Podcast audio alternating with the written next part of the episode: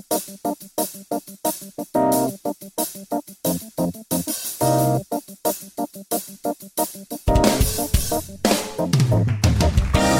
de solblekta stränderna i Santa Monica, Kalifornien. Mina damer och herrar, tillåt mig presentera Peppe Öhman, Magnus Silvenius Öhman. Det här är Magnus och Peppes podcast!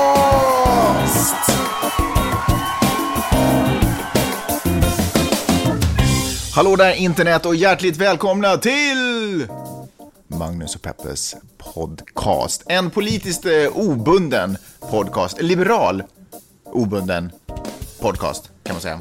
Eh, där vi pratar om världen runt omkring dig så som vi ser det. Och vi gör det oftast ur ett journalistiskt och feministiskt, eh, ut, journalistiskt och feministiskt perspektiv.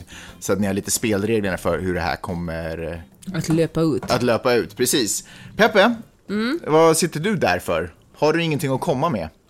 Jag tänkte vi skulle tala om, eh, om hur man ska ge dricks i the sharing economy. Hur man ska ge dricks i the sharing economy. Okej, Sharing- vad- förklara vad the sharing economy Det är det här när man... Eh, grann- Tänkte du precis passa över, Magnus? Du vet väl vad sharing Ja. economy är? Exakt, då ska du säga nej Peppe, kan du berätta Mm. det? Så du gjorde nästan rätt.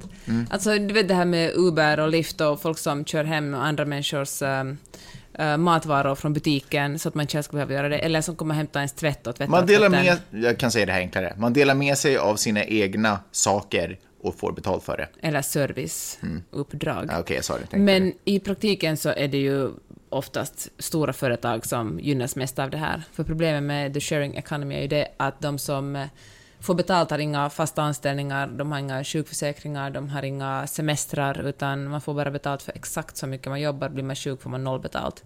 Mm. Och det kanske... Men tanke, vänta, nu kommer vi in på ett sidospår här, för du ska ju egentligen prata om hur man dricksar i den här sharing economy. Mm. Men tanken är väl inte att det här ska fungera som riktiga arbetsplatser för människor, utan tanken är att det här är väl ett sätt att, ett hej, bonus." jag har en borr hemma, min kompis behöver en borr, jag hyr ut min borr, och så Mm. har man skapat teknik som gör det lättare för det här att ske. Kanske det, Magnus, kanske det. I alla fall, jag läste en grej, nämligen, var det på Vice kanske, nu kommer jag inte exakt ihåg var, det var, det var på... Lägg upp den på flipboard.com under Magnus och Peppes podcast, så hittar alla den. Och där står det att ja, man ska dricks också i den här eh, the sharing economy. Och då tänkte jag på det här, jag ger aldrig dricks när jag åker Uber. Nej. Och orsaken är därför att Uber själv har gett ut instruktioner om att man inte ska dricksa.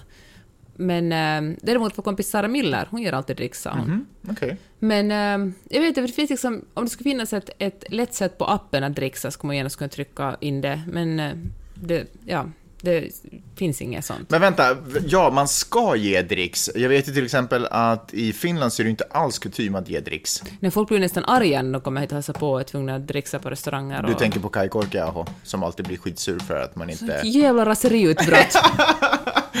Men vilket fall som helst, men vadå man ska ge dricks? För att det, det är schyssta om man ger det på restauranger. Men om man och- inte ens ger det på restauranger? Jag förstår inte. För att, till exempel, Förklara ordet ska i det här fallet. För att eh, de, i den här artikeln motiverar man det att, att eh, Uber, företaget, tar 28 procent, alltså nästan en tredjedel av vad en resa kostar. Mm. Och då betalar chauffören betalar ju själv eh, servicen på bilen och eh, slitage på bilen och eh, bensinen. Och ger man några dollar dricks så då kompenserar man nästan det som, eh, som Uber tar av chauffören och då tjänar, alltid tjänar Uber-chauffören ungefär 15 dollar i timmen. Men hörru, check it out. Om vi ger dricks till Uber-chauffören, så då hjälper vi ju egentligen bara att Uber att upprätthålla en, affärs, en, en affärsidé som egentligen inte fungerar. Ja, fast de håller ju ändå den, förutom att nu är det den där Uber-chauffören som hamnar däremellan. Ja, fast Uber-chauffören, jag förstår att det kan vara svårt att hitta jobb och sådär, men någonstans så har ju Uber-chauffören också ett val. Att om vi glider in och ger dricks så kan Uber-chauffören upprätthålla sin affärsverksamhet i den där bilen. Och, men det han egentligen gör är att han hjälper Uber att ge dålig lön till honom. Jag Om, förstår om, det, U- men om Uber-chauffören fortsätter åka där och blir skitsur och bara "Uh, enough is enough, stänger av bilen och stänger av appen och drar, så har ju Uber tappat en chaufför och borde fundera över varför de tappar chaufförer. Ja, fast jag tror ändå inte funkar så. Men Speciellt så där säger... Okej, förlåt. Säg. Nej, men för du, tar, du är alltid sådär att den lilla människan har inga möjligheter att påverka stora företag. Uber har ju inte- blivit ett stort företag därför att de har ju Så det säger jag inte alls, jag säger bara att det är överskattat att man ska sätta allt ansvar på konsumenterna. Det här är också en annan diskussion, men jag tycker att... att Det är ex- det är inte alls en annan, det är exakt den här diskussionen. Okej, då kan vi ta den nu. Alltså, Okej. Oh, fine. det där att konsumentmakten är överskattad, jag tror inte att det betyder noll, men jag tror att företag borde styras av lagstiftning främst och först i andra hand av, av konsumentmakt. Men lagstiftning och allt det här är ju liksom, det är ju, det är ju konsumentmakten som, alltså, det Nej, finns det ju inte det finns ju inga företag om inte folk köper saker. Det finns inga tidningar därför att, tidningar går dåligt därför att folk inte köper tidningar. Det är ju konsumentmakt. Men Vi vadå, så, så om konsumenterna- folk vill köpa heroin, då ska de få, för folk vill ha heroin. Nej, det sa jag inte. Det sa du ju, konsumentmakt. Om folk vill köpa kött av kor som har blivit torterade, då ska de fan få göra det. Om folk vill köpa kläder som produceras i Bangladesh av femåringar, då ska de få göra det. Konsumenten har talat. Nej, ja, på sätt och vis kan man se det så, men... Men, Men det var ju det du sa just. men en positiv effekt av det här, ja, men du tog ju andra sidan av mynten, men om man säger så här, om jag har problem med att, att eh, barn eh, eh, sl- jobbar för slavarbete så kan jag ju sätta press på företaget genom att inte supporta företagets Hur företagsidé. tycker du det har gått för H&M till exempel? Nej, jag vet inte, hur har det gått för Det H&M? går jävla bra för H&M.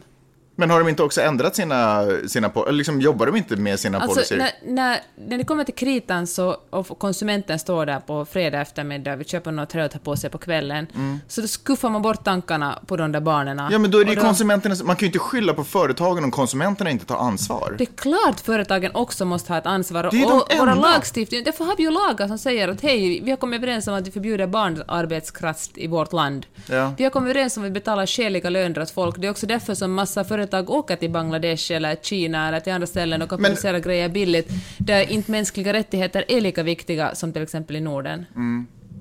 Fast så här tycker jag, att eh, vi lever i ett samhälle, allting som sker runt omkring oss är egentligen vi ansvariga för att det sker runt omkring oss. Om det är så att det kommer fram ett företag som eh, ägnar sig åt eh, någonting riktigt vidrigt, vad ska vi ta, eh, sexuellt utnyttjande av barn i princip affärsidén, då om jag inte köper, alltså då, då är det ju jag som måste säga ifrån att det här är inte okej. Jag menar, man måste väl ändå ge, det är klart att det måste finnas regler och lagar för vad som är liksom, ehm, Klart du måste säga ifrån, men jag tror inte ska- du har lika mycket makt. Jag tror att det viktigaste är att konsumentmakten är helt enkelt överskattad. Jag tror att det viktigaste är att det finns lagstiftning kring sånt här. Hur mycket, har, hur, mycket, hur, mycket, hur mycket antibiotika och hormoner folk får pumpa i sina djur innan de, innan de slaktas och säljer till kött, det är också en sak som... Då kan ju konsumenten säga, har jag råd att köpa det här, väljer jag att köpa det här billigare köttet eller väljer jag att köpa det här dyrare, Men du säger köttet? så här, att vi som konsumenter har rätt att vara lata och inte vara medvetna och Nej, det fundera säger, på våra beslut. Det är du som nu lagar sätter som ska det ord i mina mun. Det säger jag inte alls. Klart vi också ska ha en viss moral. Men vi har... Viss moral, det är ju inte vi som är den yttersta moralen. Nej. Våra personliga beslut. Ja, men för, förstår du inte att vårt, vårt beteende har ganska lite... Folk är inte Nej. moraliska i konsumtionsögonblick. Folk ja, tänker men med det, är ju, plånboken. det kan ju inte vara företagens fel. Därför finns, ska det finnas lagstiftning. Nej men vänta nu här, om, kolla här. Om det är så att folk inte tenderar, varför, förklara det här för mig då. Varför skulle det skapas en lagstiftning kring det här när folk inte ens uppenbarligen är intresserade av ämnet tillräckligt mycket att hindra sig själv från att handla från ett sånt här företag som ägnar sig åt skumrask? Därför, liksom. Skumrask. Ja, det Därför kändes- att vi har kommit överens om, vi har lagar kring uh, djurskydd, vi har lagar kring uh, människorätt, vi har lagat in, kring hur mycket gifter som får släppas ut i naturen och så vidare och så vidare. Det var, vad, vadå, så vadå? Därför att, för att Men företag folk, kommer ju alltid att komma folk, vara där och testa gränserna och Ja, försöka starta och för ett nytt att företag. folk alltid när det kommer till kritan röstar de med sin plånbok. Folk väljer nästan alltid, förlåt jag är så cynisk nu, men det visar ju de här billighetskedjornas framgångar, att folk röstar, väljer det billigaste. Ja, Kolla i Finland till exempel. men tala om för de mig här då, marinerade kycklingbitarna i mandarinsås, som är det mest populära, det mest populära man kan köpa. Jag tycker lite Folk skiter i innehållet för det är billigt. Ja, ja, ja. Jag tycker lite så här att eh, folk får det samhälle man förtjänar om man inte känner att man vill ta ansvar, om man vill inte ha en bättre värld, om man tycker att man vill ha en bättre värld genom att bara säga det och inte praktisera det på något sätt, då får man det samhälle man förtjänar och då är det så. Då, det, inga lagar kommer ju ändra det där.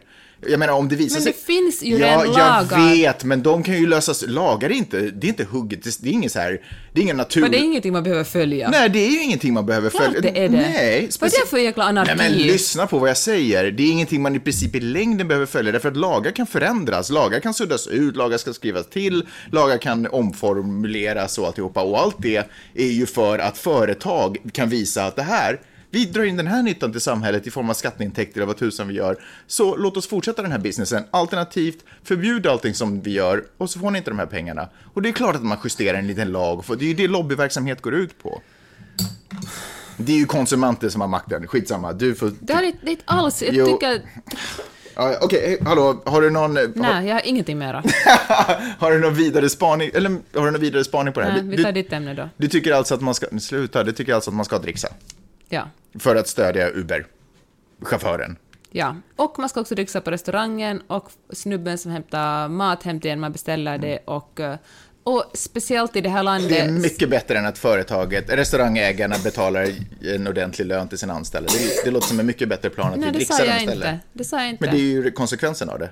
I det här landet just nu så lever många på dricks så väljer du att... Det, ursäkta nu, men det där är, det där är sådär lite snåltänk. Man säger att jag dricksar inte för att jag, jag dricksar inte för att jag stödjer ett system. För i så fall stödjer jag ett system där arbetsgivaren inte betalar Men tillräckligt. vänta, hur ska de här lagarna ändras då eftersom vi... No, de håller ju på att ändras, man diskuterar Men vilka är det som, minimilönen, änd... i vilka är det som ändrar dem? Vilka är det som får dem att ändras? Lagstiftarna, Vilka är det som påverkar... politikerna, Och de vilka, vi är det har röstat in. och vilka är det som påverkar dem? Vi, eller hur? Det är ju vi som sätter politikerna på platserna, eller hur? Som sen påverkar lag. Så det måste ju finnas någon form Ja, av på medborgarengagemang. en, ja, men då kanske du kan ge dricks och sen röstar du på en politiker som lyfter minimilönen i USA, om du får rösta här. Mm, Okej, så man ska göra två saker när man uppenbarligen inte är kapabel att göra en sak. Så du tänker sluta ge dricks på restaurangen? Nej, jag men sa nu, Det är du inte. som alltid är supernoga att man ska ge minst 20% i Hej, dricks. jag argumenterar mot bara för sakens skull. Jag försöker bara, jag tycker att, jag tycker att du, eh, jag tycker att det är ganska skrämmande egentligen om man tar bort ansvaret från konsumenterna. För det är vi som det bestämmer. har jag aldrig sagt. Det sa du. Tusen gånger har jag sagt att jag tror att konsument, det konsumenten kan påverka är gravt överskattat. Jag Hör- ska leta upp en text liksom, som jag läste om det här och Hör du, eh, jag har hittat en annan text på svenskayle.fi från det ena till det andra.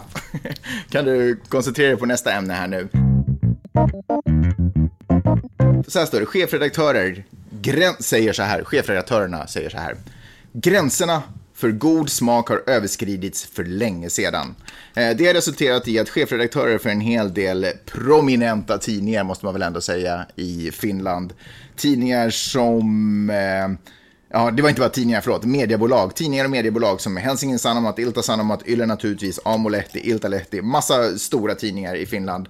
Eh, har skrivit under en, vad kallar det, ett upprop. Där man säger att eh, nu har eh, för många alternativa medier fått utrymme att sprida ut lögn och osanningar och alltihopa. Och nu ska vi eh, sätta stopp för det, ta striderna, eh, ish, och vi ska eh, eh, bli mer noggranna, eller vi ska, vi ska vara de som folk ska vända sig till om de är intresserade av sanningen, korrekt, korrekta analyser och korrekt statistik och korrekt, du vet, sådana här saker. Har de gjort i dagarna. Vad, vad tror du? Tror du att det här kommer förändra medielandskapet i, i Finland? Jag, Eller tror, jag menar folks konsumtion av media. jag tror det är viktigare att göra det än att tala om det. Mm. Sen tycker jag att Dan Lolak skrev i Åbo Underrättelser en, en krönika om det här och sa att för det första, är de, om de har sagt att det håller på jättelänge, varför går de ut först nu? Varför har de inte tagit, tagit tag i problemet Fast då? det där säger man ju alltid när någon äntligen gör någonting. Det finns Nej, alltid de har ju inte anledning... gjort någonting, de har ju bara sagt att de ska göra någonting. Okej, vad... Det är en stor skillnad liksom. Okej, Men vad kan- vad kan man göra då? Nej, men om vi backar bandet, då tänker jag att... Skön stämning i podden. Okej, vad tänker du säga? Nej, men jag menar det att jag tror de har ju varit att, att media har varit så jävla ängsligt. Man har Mm. varit sådär att nej, nej, allas röster är lika viktiga, alla kommentarer ska förhöras. Om vi inte släpper fram alla de här kommentarerna då blir läsarna arga Mm. och eh, då läser de inte oss längre. All, all, det är liksom att yttrandefrihet, att allas åsikt är lika viktig. Men det är ju liksom, det finns ju en orsak till att det finns utbildade journalister som producerar de här medierna det är ju inte som man skulle säga så här att om man går till en, man har cancer och går till en, en läkare och så, säger, så kommer någon random snubba eller snubbe och säger att hej, min åsikt är lika viktig, det här är min diagnos. Alltså det finns folk är utbildade i olika saker och nu många journalister är utbildade till att göra journalistik och därför har kanske deras eh, analyser lite mer värde än någon random kommenterare. Men det har man på något sätt, man har smulat sönder eller mediehusen har kanske lite själva också smulat sönder liksom, trovärdigheten hos journalisten, journalisterna genom att säga att det var mycket snack faktiskt också på YLE för några år sedan det här att nej, nej, att, att uh, lyssnarna och våra följare ska producera innehållet. Mm. Och man bara, men nej, då liksom, om de kan producera innehållet så de kan ju producera, producera någon annanstans där de får kanske pengar för det också. Det, liksom finns, det finns en poäng med att ha anställda journalister, mm. tycker jag. Ja, det, det har du helt rätt, rätt i. rätt i. Eh, chef, re, chefredaktören för tidningen Ilka, som är då en, en av de som har undertecknat mm. det här ställningstagandet, som heter Sato Takala, säger så här i den här uh, artikeln. Människors uppfattning om vad som kan anses som pålitlig information har blivit suddig. Man anser att ens egna åsikter är detsamma som fakta. Och det här är något som du och jag konstaterar i den här podden ganska mm. länge. Eh, men frågan är, vad kan man göra åt det? Hur tar man tillbaka makten? Hur, hur, kan, hur kan mediebolagen ta tillbaka makten? Fan, det för det är ju en fråga. utbildningsfråga någonstans. Alltså jag menar inte eh, sådär, man måste gå i skola för att fatta det, utan jag menar, men media måste på något sätt utbilda publiken igen. Kanske media måste vara mindre ängsliga, vara mindre sådär, oh, alla måste älska oss, alla måste mm. älska oss, utan bara vara sådär att så här är det. det här, så här säger vi, det här, så här kommer det att hända. Orsaken till att vi kan säga det här är att uh, vi, är, vi är journalister. Mm vara kaxigare.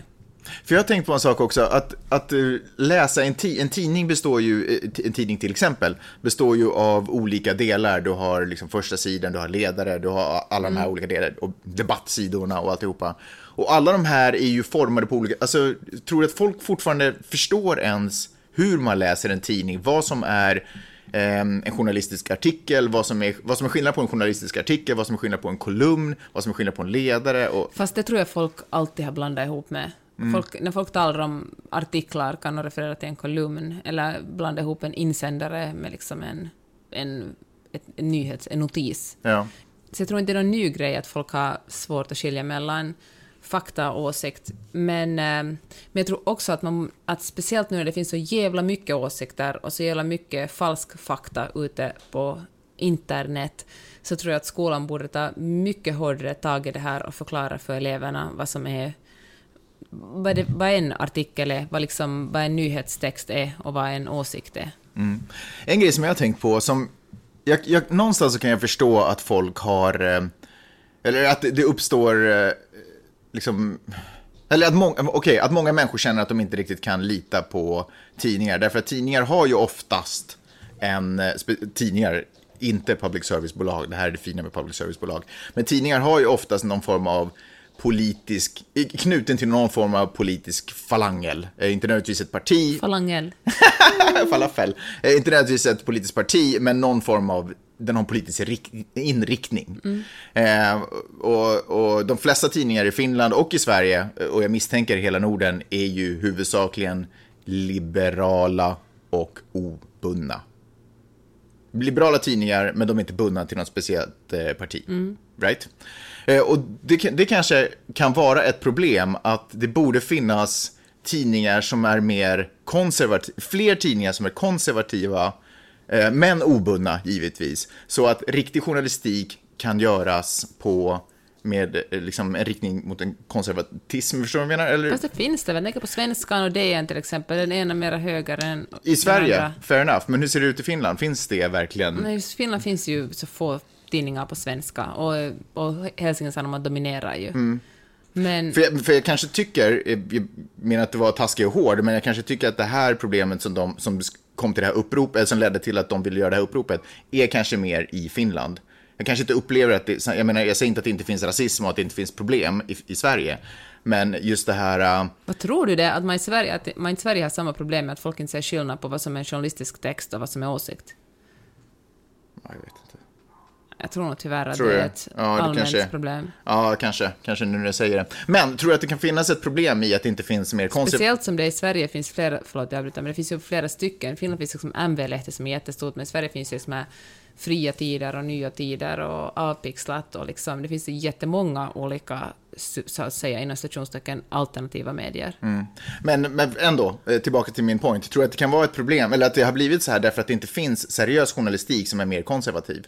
Nej. Du tror inte det? Nej, jag tror- vi hade jag haft samma situation då. För grejen är att de som söker de här konse- konservativa värderingarna lockas ju till att gå till de konservativa eh, medieplatserna som tenderar att inte vara journalistiska. Mm. Som är propagandasajter mer för ditten och datten. Sådär, du menar folk som tycker att det var bättre förr liksom? Nej, jag menar att det finns inget, det är svårt för en konservativ finländare att söka eh, en, söka en tidskrift som, eh, som liksom lyfter fram saker som de tycker är viktiga och som man tenderar att vända sig till eh, tidningar som, vad fan, har Pix- Pixlat eller motsvarigheter i Finland. Förstår du vad jag menar? Inte riktigt. Men, vad fan? Men, men vad säger du, att folk All- som är konservativa är rasister liksom? Nej, det är inte det jag säger, men folk som Du borde skriva mer, att det, borde, att det finns någonting som skriver mer Nej, jag säger inte- positivt om Trump till exempel. Kolla, jag säger inte att man är rasist om man är konservativ, men jag säger att om man är rasist så kanske man tenderar att vara. Så, alltså, de, de går kanske mer, alltså, man behöver inte vara konservativ och rasist, det är snarare så jag menar. Men är man rasist så kanske man, alltså, man, då ten- tenderar man väl att mer, vara mer åt höger. Och det så som medielandskapet ser ut idag så är det väl kanske lite mer åt vänster. Fast alltså Hufvudstadsbladet är ju anklagat från vänsterhåll för att vara alldeles för borgerlig Mm. och från högerhåll att vara alldeles för vänster. Mm.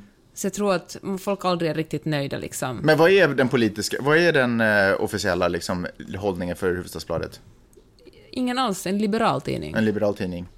Just det. Så Kanske. du, men, Fan, jag liberal, vet inte om det står någonstans liberal. men är inte liberal som- någonstans också i... En obunden framförallt. Är inte liberal just någonstans i mitten? Är inte det typ Svenska Folkpartiet? Är inte det en liberal?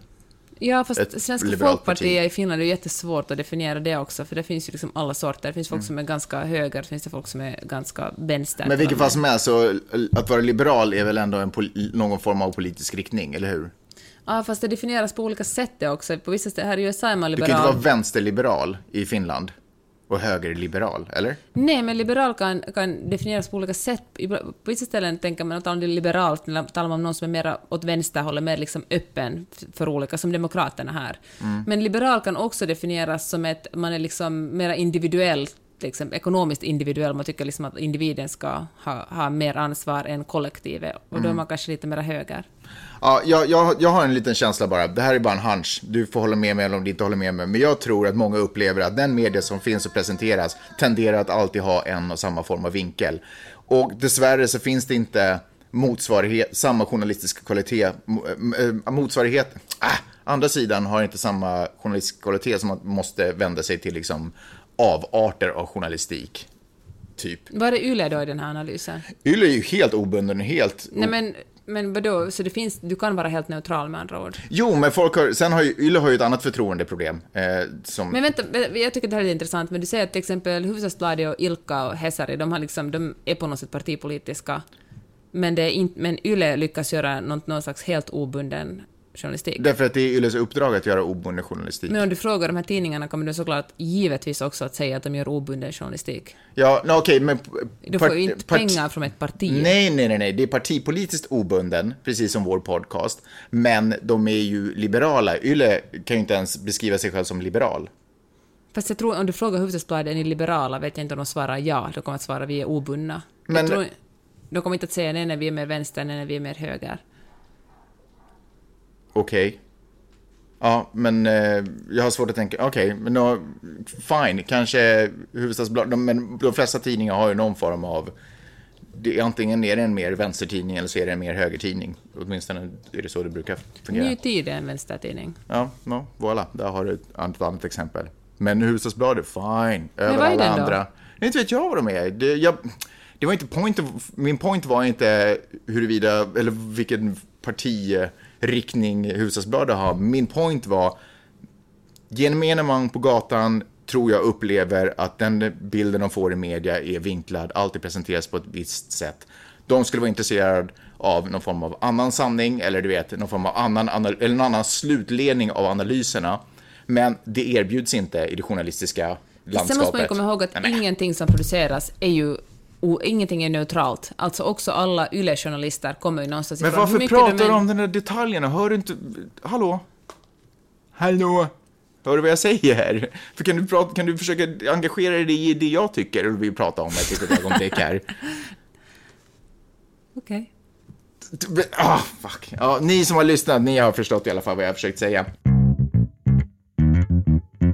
Eh, vi talade om Ku Klux Klan i förra avsnittet. Jag trodde att det inte fanns, att KKK inte fanns längre. Eller jag tänkte att det var någon sån här, eh, du vet, i skuggorna fortfarande leder det kvar någonstans. Men Hastomir Gesehen, i hälften av alla stater i USA finns det aktiva Ku Klux Klan-klaner. Ja, dagen efter vi spelade in den här podden så var det ju redan här i södra Kalifornien någonstans, du sa Anaheim eller någonting, så var det ju uppståndelse, tre an- motdemonstranter mot, och eh, Ku Klux Klan hade någon liten så här demonstration. eh, Brände några kors. Nej, det gjorde de inte. De hade inga huvor längre heller, det, för de är liksom en modern version. Det här är just det, de ändrar lite sin skepnad, gör, putsar bort lite i, i, rensar lite i garderoberna och sen så har man helt plötsligt tada, en ny organisation som går ut och försöker eh, ragga medlemmar. Men faktum kvarstår att idag går igen Ku Klux Klan på gatorna och demonstrerar eller väcker uppståndelse. Tre antidemonstranter fick kniven i magen. Eh, jag, jag säger inte att några KK-människor inte kom undan med stygn i pannan, men, eh, men så här gick det i alla fall till. Men skrämmande att KKK finns tillbaka.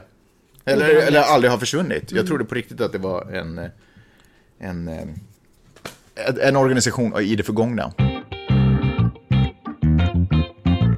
Donald Trump är ju, det gick ju superbra för honom här nu under supertisdag. Supertisdag. Supertisdag. Eh, Supertisdag som är alltså den här, eh, en, den, en av de sista indikationerna på hur det kommer gå i president, eller vilka som kommer få representera rep, eh, republikanerna represent, eh, respektive demokraterna. Och som det ser ut nu så är det Donald Trump för republikanerna, för han tog sju av elva stater tror jag.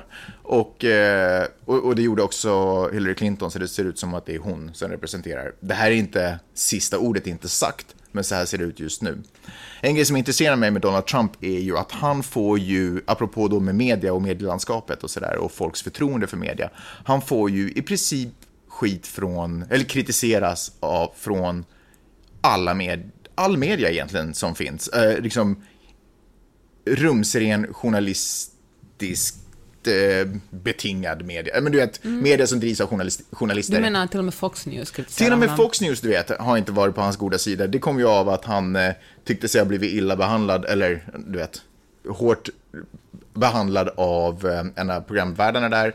Och hon var den som också sen skulle hålla Republikanernas eh, debatt för ett tag i slutet på januari, typ något sånt. Och då bestämde sig för att inte vara med i den, om, så länge hon kommer vara en av de här eh, som för debatten, vad det nu heter. Vad heter det när man... Moderator. Moderatorn, precis. Så till och med Fox News, som ändå är en väldigt republikansk tv-kanal, eh, liksom är, går, hår- Murdoch-ägd. går hårt åt honom. Och ändå, trots att all liksom, information nästan som pumpas ut om honom är sådär, håll ett lite extra öga på honom, han verkar lite sketchy, han säger två olika saker hela tiden och man vet Han aldrig har jättekorta fingrar. han har jättekorta fingrar, du vet. Men det finns också saklig kritik kring honom. Ändå så är det så pass många som, eh, bland människorna som vill ha honom. Det här betyder ju att antingen så tror man inte på det media säger, man tror inte på deras analyser och deras logiska slutledning av de analyserna, eller så tror man på dem men skiter i det, eller naturligtvis tredje, eller så hör man dem inte, läser dem inte. Och alla tre är ju problematiska scenario för A, journalistiken och B, naturligtvis i förlängningen Fast jag tror demokratin. att många här ser honom som underhållning. Att han bara är en rolig gubbe. Lite sådär som ett experiment. Vi ska se vad som händer. Ja, var det inte så man... Ja. Var det inte så det såg ut i politiska landskapet på 30, 20-30-talet här i Europa också? En liten rolig farbror som kom upp och var engagerad och tyckte... Ty- Nu drar du Hitlerkortet. ja, jag drar Hitlerkortet. Jag tycker att det är samma... Eh, samma naivism. Fast Hitler kom ju in efter en grym recension. Alltså jag försvarar honom på inget sätt. Jag vill bara säga att det var annorlunda då. Det är klart att det är alltid liksom- annorlunda. Det är ju alltid annorlunda. Det är alltid anpassat för tiden vi lever i.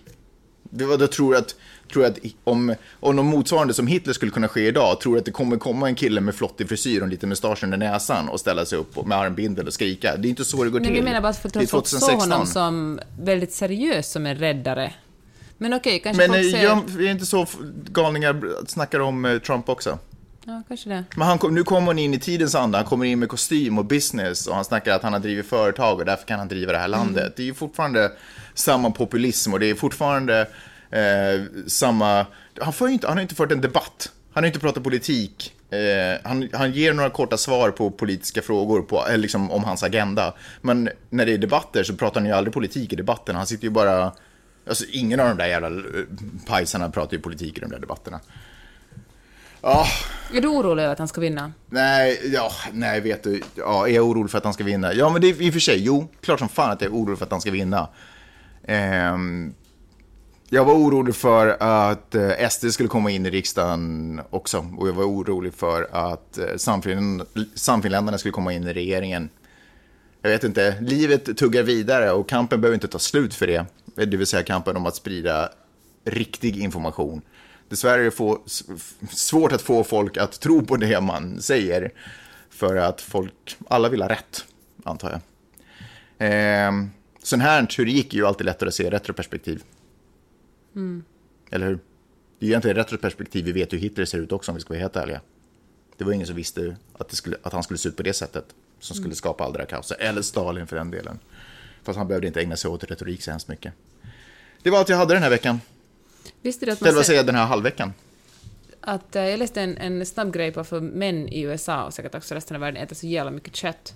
Här är ju, Okej, vi drar det kortet. Vi kör vegetarianism, äh, veganismen också. Kom igen nu, ut med det. Vad har du att säga om det här köttätarna? var bara en jättelång tradition att sälja kött som något jävligt sexigt. Och man säljer också men det- ofta kött med, eh, med kvinnor, eller speciellt hamburgare. Paris Hilton var en av, eh, fan heter den där eh, kedjan som alltid har sex, nakna kvinnor och så tar en jättestor bit av en hamburgare. Någonting inte. junior. Jag vet inte. Eh, I alla fall. Är det viktigt? Nej. Men eh, här är det inpräntat att om man är en heterosexuell man, då äter man kött. Det är liksom det är jätte, kött och sexualitet går väldigt mycket hand i hand. Det, Ja, men men får jag säga en sak? Jag tror att de facto att kött och sexualitet går hand i hand. Jag tror att det pumpar oss fulla med hormoner och saker som gör att vi blir mer sexuella och aggressiva. Tillväxthormoner, inte, blir man tvärtom liksom... Ja, men det är, om inte, fan vet jag, jag är ingen doktor, men det här är Du liksom... måste ha killgissar. Nej, men jag sitter inte killgissar. Det här är en... Du har bara gått på reklamen. Det här är en teori, nej, det här är en teori jag har. Men det här är, jag säger inte att det här är en bra sak, jag tror att det här är en negativ sak. Jag tror att med lite lugnare sexualitet och lite lugnare testosteronnivåer så skulle vi slippa en hel del av problemen som, aggressiva, våldsproblem som vi har i världen och samhället. Men sex och våld är ju ändå inte samma sak. Är det? Det är inte samma Är det sak. inte besläktat? Nej, Jag tror att det är besläktat. jag tror inte det. Nej, då får du sitta och inte tro det då. Jag tror absolut att det finns en koppling mellan sex och våld.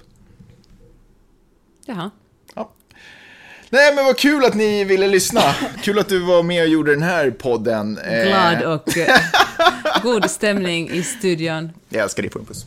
Mm. Hörni, tack för att ni har lyssnat. Eh, superroligt att vi körde idag i onsdag igen. Och vi är tillbaka på lördag, söndag, måndag, någonstans där, kanske tisdag. Du vet, de faggorna. Hörni, eh, om ni tycker om oss får ni gärna skriva en liten recension på iTunes. Mm. Eller bara likea min och Magnus bild på Instagram. Jag kan förstå att det kan vara svårt att tycka om oss båda samtidigt, men jag tycker att för, alltså om man bara tycker om en av oss så tycker jag att det räcker för att sprida ordet eller säga något snabbt. Då. Säger jag bara det för att alla tycker om dig. Hörni, tack för att ni har lyssnat och eh, vi hörs om en halv vecka igen. Ha det så bra! Hej då! Hej.